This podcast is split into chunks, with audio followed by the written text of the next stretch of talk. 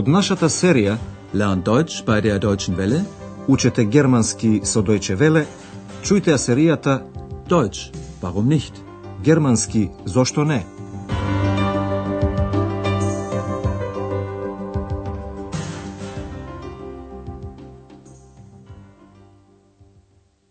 Liebe Hörerinnen und Hörer. Почитувани слушателки и слушатели, добар ден. Нарете седмата лекција со наслов Мојот авион тргнува во 9 часот. Mein флукцој кет ум 9 уа. Дали се сеќавате на артистката од последната лекција која во својата соба вежбаше една улога? А Хана забележа дека на вратата од собата виси табличка со надпис Ве молам немојте да вознемирувате. Aber da hängt doch das Schild. Bitte nicht stören.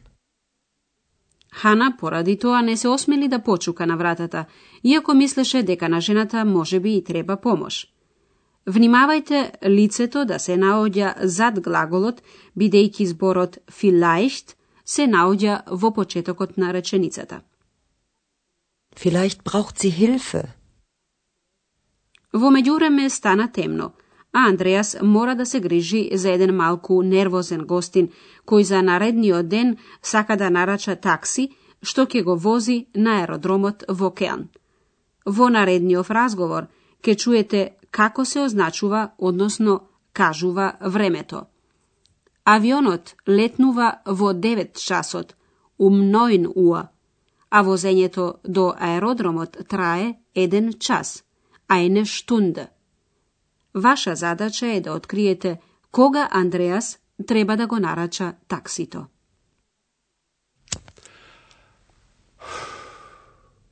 Ach, darf man hier überhaupt rauchen? Natürlich dürfen Sie rauchen. Hier ist ein Aschenbecher. Was kann ich für Sie tun? Äh, bitte bestellen Sie doch ein Taxi für mich für morgen früh. Gern. Und für wann? Also, mein Flugzeug geht um neun Uhr. Äh, wie lange braucht das Taxi denn? Hm, ungefähr eine Stunde. Haha, eine Stunde. Um halb neun möchte ich da sein. Eine Stunde Fahrt, also halb acht. Bestellen Sie das Taxi dann bitte für sieben Uhr. Geht in Ordnung. Андреас значи треба да го нарача таксито за во 7 часот наутро. Да го чуеме разговорот уште еднаш. Гостинот малку нервозно си запалува една цигара. Мислејќи дека некого вознемирува, тој прашува. Дали смеам тука воопшто да пушам? Ach, darf man hier überhaupt rauchen? Во Германија на многу места е забрането да се пуши, како на пример во продавници, во кино, на некои станици од метрото и во некои канцеларии. Меѓутоа, на хотелските рецепции обично се пуши. Андреас го смирува гостинот. Секако дека смеете да пушите. Natürlich dürfen Sie rauchen. Гостинот потоа го замолува Андреас. Ве молам нарачајте едно такси за мене. Bitte bestellen Sie doch ein Taxi für mich. Андреас таксито треба да го нарача за наредниот ден, за утре рано. Für morgen früh. Андреас со задоволство го прави тоа, меѓутоа мора да знае за кога да го нарача таксито. За кога? Für wann? Човекот размислува за времето, поточно речено за тоа кога неговиот авион, флукцојк, летнува. Мојот авион тргнува во 9 часот. Mein Flugzeug geht um 9 Uhr. Од причина што наутро многу мина на работа заминуваат со автомобил и често има застој на патиштата.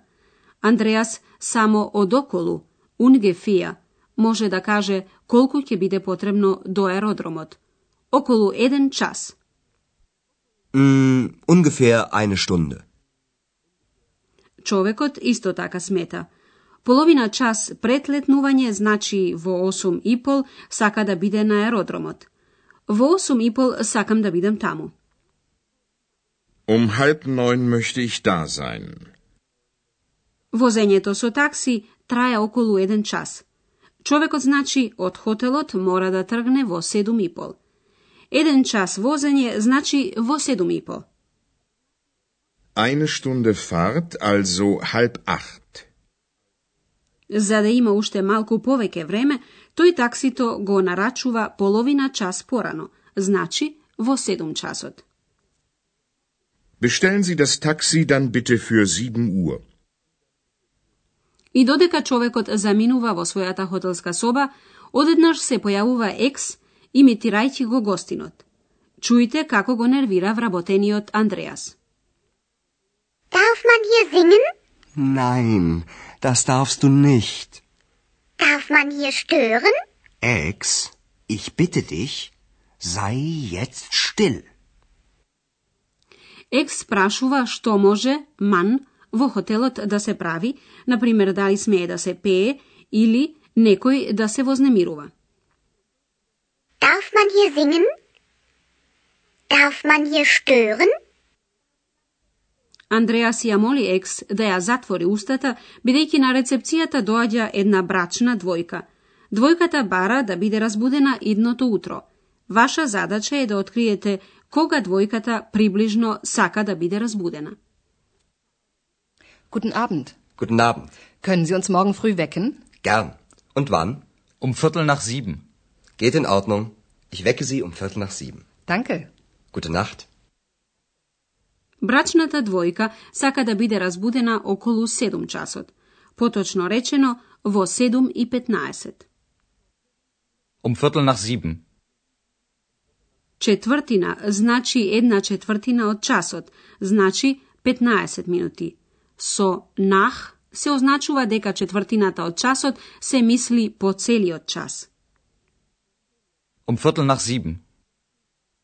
Сега ќе ви објасниме три работи. Означување време, модалниот глагол dürfen и некои лични заменки во акузатив.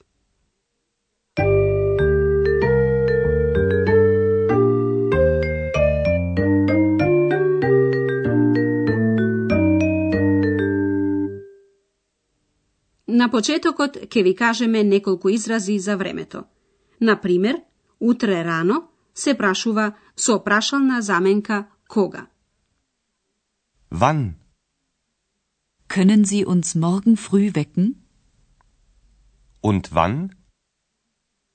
Одговорот на прашањето за време почнува со ум. Um 9 Uhr. Mein Flugzeug geht um 9 Uhr. На местата каде што се означува половина час, половина halb, се става, се изговара пред полниот час. 8 и пол тогаш гласи половина 9, halb 9. Halb neun.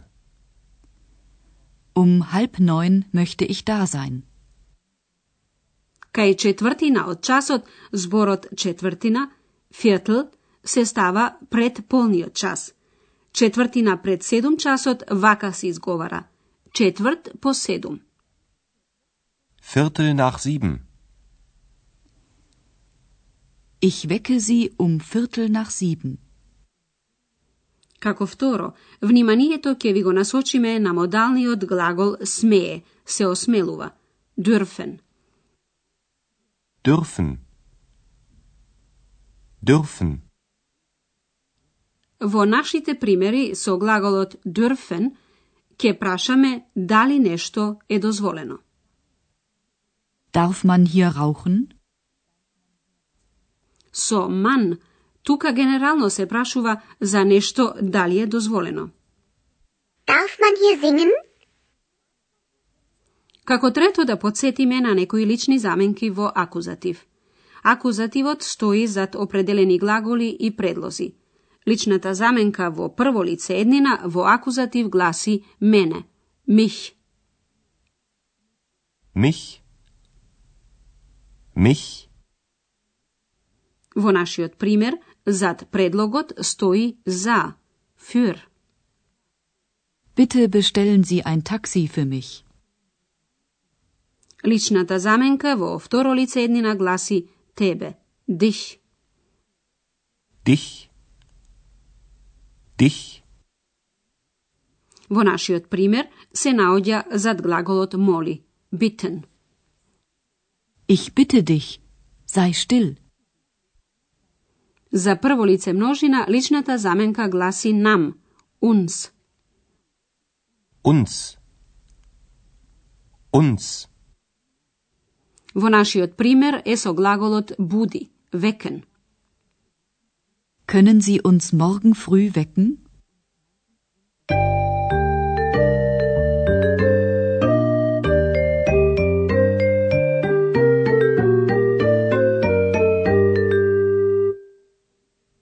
На крајот да ги слушнеме трите диалози уште еднаш.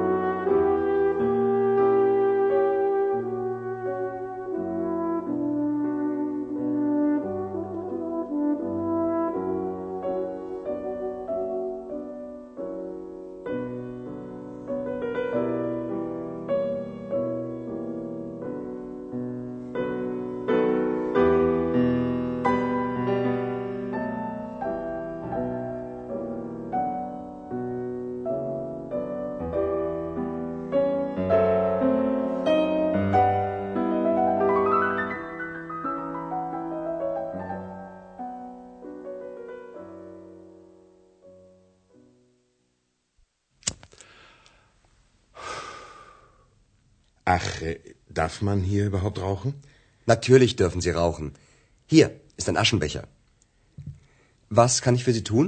Äh, Bitte bestellen Sie doch ein Taxi für mich für morgen früh. Gern. Und für wann? Also, mein Flugzeug geht um 9 Uhr. Äh, Wie lange braucht das Taxi denn? Hm, ungefähr eine Stunde. Haha, eine Stunde. Um halb neun möchte ich da sein. Eine Stunde Fahrt, also halb acht.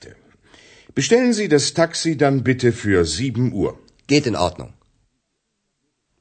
Екс го имитира човекот и воедно го лути Андреас. Darf man hier singen? Nein, das darfst du nicht. Darf man hier stören? Ex, ich bitte dich, sei jetzt still. Една брачна двојка бара да биде разбудена наредното утро. Guten Abend. Guten Abend.